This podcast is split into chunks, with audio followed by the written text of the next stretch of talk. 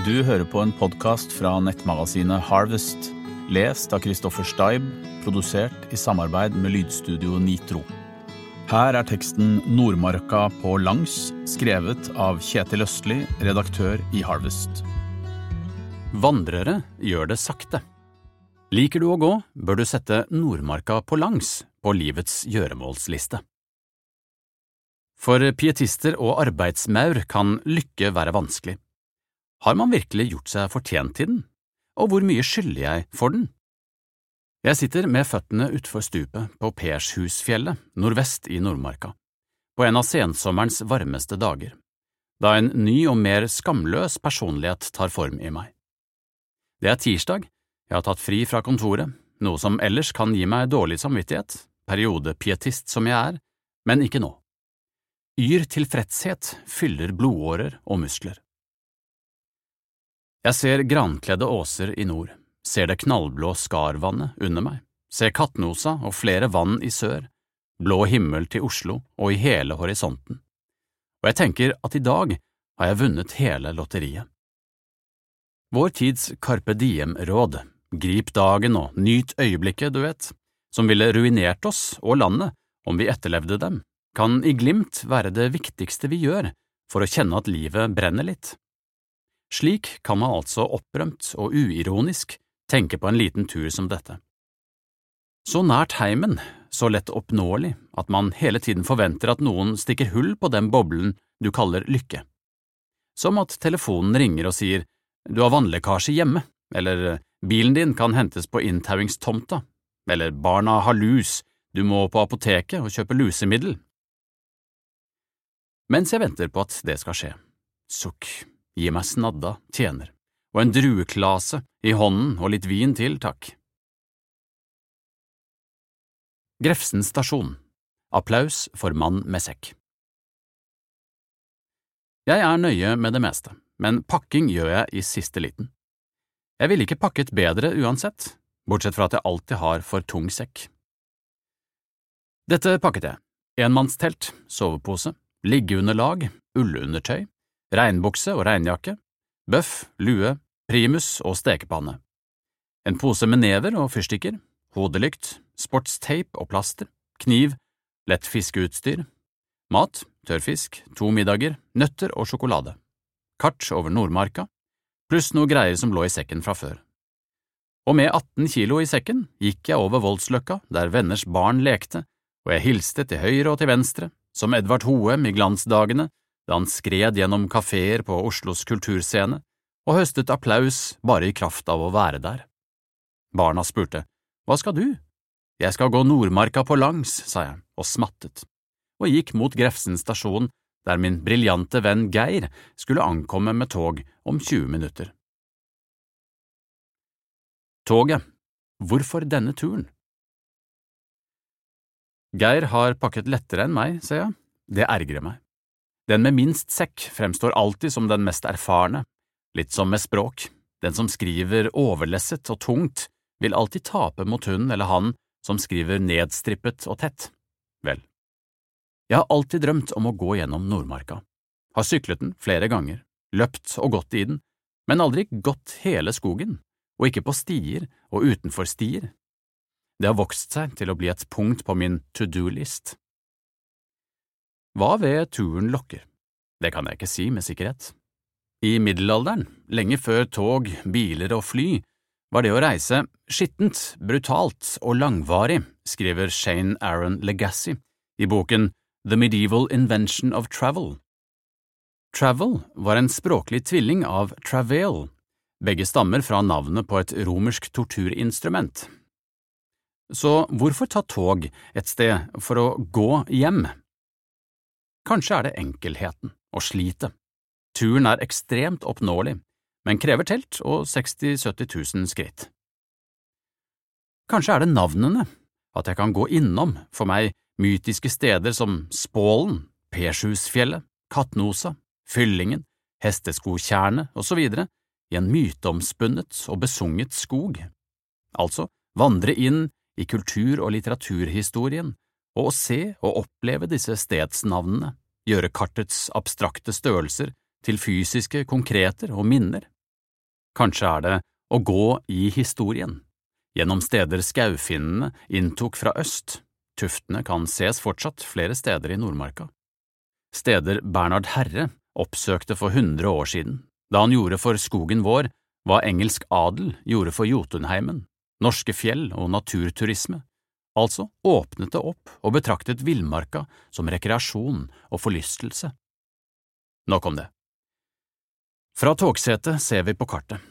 Ingenting er planlagt annet enn to overnattinger og to dagsmarsjer. Vi beregner ca seks mils vandring. Turen kan gjøres på drøye fire, men da er du slave av grusveien.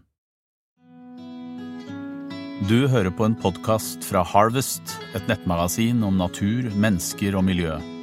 Gå inn på www.harvestmagasin.no hvis du ønsker å bli abonnent. Grua Åssjøen Stjernehimmel Det skumrer da vi ankommer Grua stasjon en snau time fra Oslo. Vi handler mat på Kiwi, fyrstekake, og vandrer opp til Mylla dam. Skogen mørkner rundt oss, mister konturer og blir eventyraktig, himmelen er dyp blå. Det blir altså stjerneklart i natt. Et nylig omkommet ekorn ligger i veien med lukkede øyne. Vi løfter det opp, ser på de små føttene, klørne, kjenner på pelsen. Ekorn er utenomjordisk vakre, og dette er straks ute av historien, spist opp av fugler og rev. Vi kommer til Åssjøen før midnatt og setter opp teltene først. Geir lager middag, jeg fyrer bål. Så ser vi opp, det er ikke til å tro. Tenk at fire av fem i verden ikke kan se stjernene, ifølge Science and Vi. I urbane Europa, som Paris, London og andre storbyer, er det umulig å få øye på Melkeveien. Det kunstige lyset i byen er så sterkt at nattsynet ikke aktiviseres. En slik europeer må til havs for å finne en ren stjernehimmel, heter det i artikkelen. Og vi er her, ved Åssjøen nord for Oslo, og himmelen åpenbarer seg. Det er som nyttårsaften, uten lyd, det spraker i lys. På ti minutter ser vi tre stjerneskudd, korte ildblaff som sier at livet er kort. Melkeveien er et slør som peker retning mot Oslo, som nå fortoner seg lysår unna, geografisk og mentalt. Ingen i Oslo ser det vi ser. Idet vi legger oss i teltene rundt klokken ett, hører jeg min briljante venn snakke lattermildt og vennlig med seg selv, om stjerner og soveposen og uhørlig mumling. Man glemmer fort hjemmet og byen når man får de første vannblemmene eller finner multer, sier han. Jeg sovner til lyden av ham. Åssjøen Pershusfjellet Menneskemøte Etter kaffe og fyrstekake morgenen etter går vi øst for vannet og ut av stinettet. Det er ulendt og til dels bratt, veltede trær og steiner under mose. Vi peiler oss inn i en slak, åpen dal, Syversdalen, med multemyrer og blåbær, til tider prærieaktig. Det surkler i skoene, bløtt etter dagers regn. Jeg har nesten aldri før gått utenfor stier. Det er noe eget å gjøre det. Man må peile retningen selv, må følge med, mer konsentrert. Vi klatrer opp en bratt skrent der fjellet bak Åssjøen ender i utsiktspunktet Kollern, og står under ei svær, enslig furu og speider etter et fiskevann en venn har snakket om, og ser det glitre noen hundre meter mot vest. På vei ned dit plukker vi multer. Overmodne, søte som likør. Vannet fremstår dødt. Vi tar en sjokolade mens vi speider etter vak. Intet å se. Her står ørreten på bunnen og eter bunndyr, mens vi diskuterer St. Thomas, artisten som døde altfor tidlig, og hvis suksess irriterte andre artister. Vi treffer en sti som fører oss ned og mot Tversjøsdalen, og igjen ut av stien sør for Tversjøen. En bil bråbremser. To tatoverte menn, en med barberte tinninger og resten av håret i en stram hestehale, begge med voldsomme kropper. Hm, er vi i en film av Cohen-brødrene nå, og snart skal vi kappes opp med sirkelsag av The Russian? Hei, vet dere om et stort vann vi kan fiske i fra kano? Ja, kjære venner, nå skal dere høre. Geir, når du går der i ødemarka, blir hvert menneskemøte en fest, for ikke å snakke om når du ser dyr. Jeg klarer ikke å la være å snakke med sauer. Jeg tror det er fordi de forstår meg, de stopper og ser i min retning og ser blide ut. Pershusfjellet, Lykken Fjellryggen er vel fem kilometer lang. Stien går opp og ned, men sneier alltid innom et utsiktspunkt. Vi stopper på dem alle, ser utover mens vi dingler med beina. Flere venner går her om vinteren. Stedet er som en hemmelighet blant kjennere, slik vineksperter og lyrikere vet om årganger og dikt andre ikke har hørt om. Vi ser Finntjern, Aklangen og Kattenosa. Tenk at vi aldri har vært her før. Men nå er vi her. Geir brøler glad ned til fiskere, de to tatoverte kroppsbyggerne, på tjernet. De jodler tilbake. Geir synger tilbake. De svarer med nye lyder. Utsyn skriver Lars Monsen om i flere bøker. Han må opp, må ha utsyn. Pershusfjellet har kanskje Nordmarkas flotteste utsikt. Utsikten gir ro og selvtillit, en følelse av å ha kontroll over distanser og det som er vilt. Vi forlater fjellet og kommer til stikrysset ved Finstad. Vi kan følge stien rett sør, men går vestover for å bade i Spålen. Spålen – bade som barn.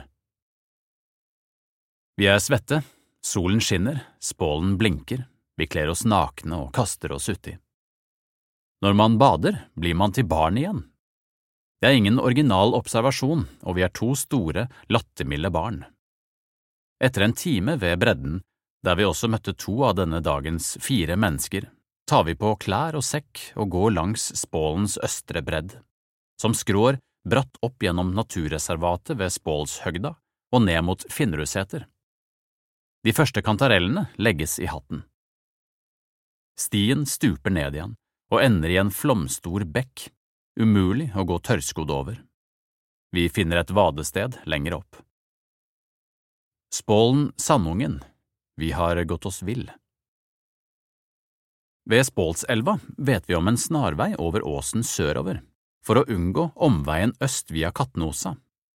Man tar av fra lagunen i Spålselva, elva som om høsten huser noen av Nordmarkas grøvere ørreter, og går rett sørøst mot en gammel grusvei opprinnelig ment for tømmer. For å gjøre en mellomlang historie kort, vi går oss vill. Vi har gått et par mil i dag, snaue 30 000 skritt, med tunge sekker og utenfor stier, er ganske slitne og ømme i hoftene, og det er ingen stier her, ingen grusvei, kun kratt, trær, våte myrer, overfylte bekker. Vi klarer ikke å peile med kart og terreng. Vi klatrer opp på en høyde, men ser ingen løsning. Det er en merkelig følelse, det å gå seg vill. Ingen engstelse, ikke sinne, mer som et dypt sukk, som eh, men hvordan kunne du sende penger til en diamantgruve i Nigeria? Du har jo allerede blitt lurt av gullgruven i Nigeria og av oljeformuen i Nigeria. Vi har solen i ryggen, vest, og skal mot sør, ser Kollen i øst, men klarer likevel ikke å peile rett. Hvor er den helvetes veien? Hvor er den? Vi snakker ikke særlig nå. Etter en time i terrenget her skrur vi på GPS. Signalet er svakt, men gir omsider beskjed. Vi er 200 meter vest for grusveien. Ha-ha, for et deilig liv! For en deilig skog!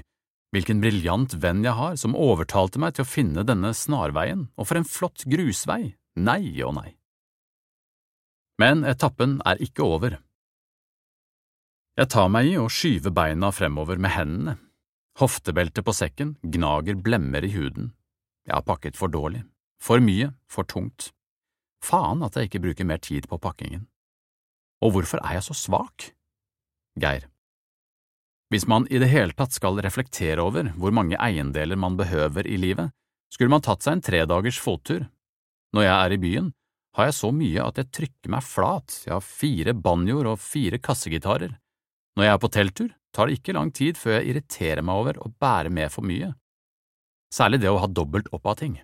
Da kjenner jeg den reelle vekta av det å ha mye. Vi har gått i syv–åtte timer da denne snarveien treffer grusveien mellom Sandungen og Kattenosa, og jeg legger meg ned på grusen. Jeg drikker en liter vann og går til odden mellom Store og Vesle Sandungen. Her telter vi, fyrer bål og lager middag, spiser to hele middager, kreftene siger sakte inn, som floa. Du hører på en podkast fra Harvest, et nettmagasin om natur, mennesker og miljø. Gå inn på www.harvestmagasin.no hvis du ønsker å bli abonnent. Sandungen ved natt, bål og middag. Kan ikke huske sist jeg var så sliten. Kan ikke huske at jeg sovner den natten. Det bare skjedde. Men jeg husker at Geir pratet med seg selv om, tror jeg, teltet sitt, MSR, og om hvordan han blir så glad av å sove i det. Hvorfor denne følelsen av overflod når man er i et enmannstelt? Man tenker på det som en vill luksus, en gavepakke, så rik at man nesten ikke fortjener den, men det er altså et lite telt som mange andre hater å sove i. Geir Kameratene setter opp hvert sitt lille telt etter å ha kommet frem til bestemmelsesstedet. Der hviler de sine marodre ben og sover godt helt til morgenlyset vekker dem. De lager lyder, stønner og breker, og sier til hverandre fra telt til telt hvor glade de er. Det å ligge slik i hvert sitt lille telt, side ved side, og fortsette turen fra soveposen. En lang, herlig dag bak seg, og med en dag foran seg. Og så er det en som står opp for å koke kaffe. Ny dag. Kaffe. Ha-ha, for et lett liv lett fordi dagen fylles av praktiske gjøremål, finne kvist, koke kaffe, plastre en hæl, fylle en vannflaske, finne stien, gå, bade i tjernet. Det er ikke nødvendigvis lett, men det skaper en letthet. Kun dette gjelder, alt annet er uviktig. Trolig derfor man kan få angst når man plutselig får mobildekning og det tikker inn seks meldinger, det andre livet kaller.